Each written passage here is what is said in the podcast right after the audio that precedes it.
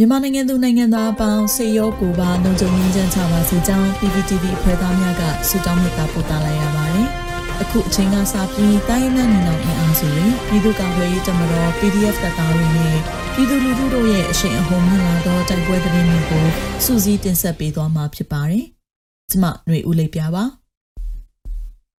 ပထမဆုံးအနေနဲ့ KNU တပ်မဟာ9တွင်လာရောက်ထောက်လှမ်းသည့်စစ်ကောင်စီ၏ရဟတ်ရင်ပစ်ခတ်ခံရပြီးလေးတပ်ဌာနချုပ်အရောက်တွင်ပျက်စီးခဲ့တဲ့သတင်းတင်ဆက်ပါမယ်။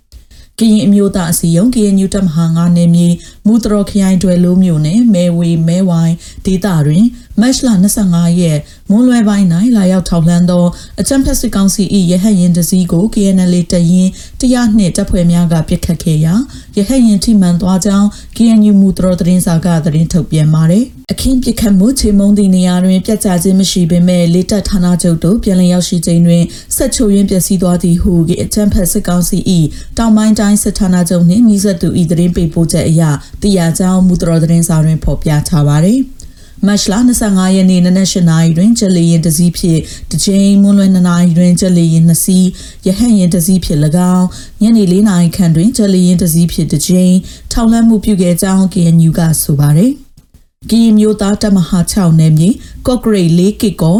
ဝေါ်လီဒေတာများတွင် တိုက်ပွဲများဖြစ်ပွားနေသောကြောင့်ကော့ဂရိတ်မြဝတီလမ်းမြဝတီဝေါ်လီလမ်းပိုင်းများကိုမတ်လ29ရက်နေ့မှစတင်ကအုံပြုခြင်းယာယီရက်ဆိုင်ထားရန် KNL နှင့် KNDO တပ်ဖွဲ့များကဒေသခံများကိုမြစ်တာရက်ခံထားပါသည်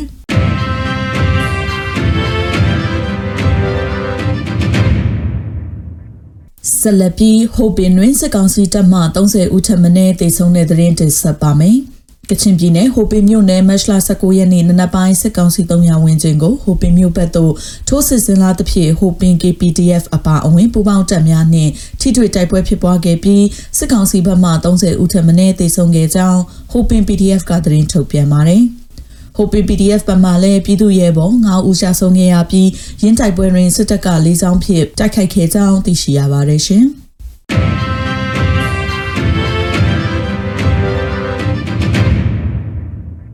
ရွှေဘိုတွင် PDF ပူးပေါင်းတိုက်ခိုက်မှုစစ်သား2ဦးသေဆုံးတဲ့သတင်းဆက်လက်တင်ဆက်ပါမယ်။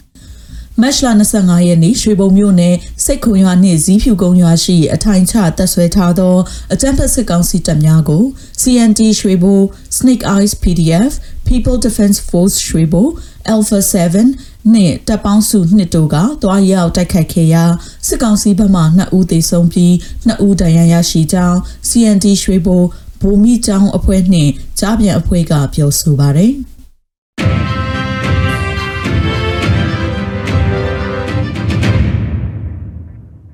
ဆက်လက်ပြီးရန်ကုန်တော်ပုံရဲစခန်းမြောက်တကိုတန်ကိုစီဆိုင်ခုနှစ်မြင်းဆောင်ရှစ်လန်းဆောင်မြောက်ဥက္ကလာရဲကင်းတို့တွင်ဘုံများစက်တိုက်ပောက်ကွဲတဲ့တရင်တင်ဆက်ပါမယ်။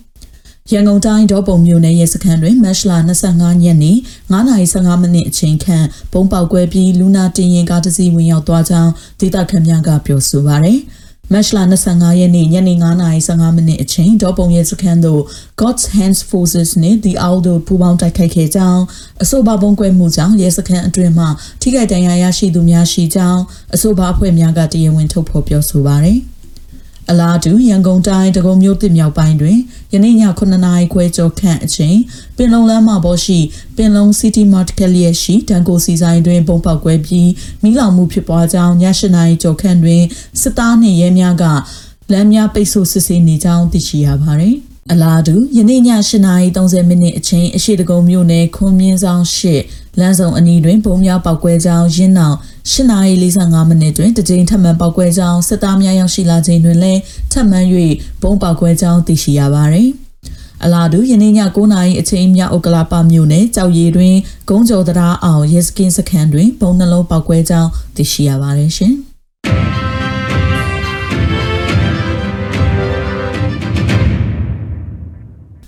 နောက်ဆုံးအနေနဲ့အမျိုးသားညီညွတ်ရေးအစိုးရပြည်ထရေးနဲ့လူဝင်မှုကြီးကြပ်ရေးဝန်ကြီးဌာနက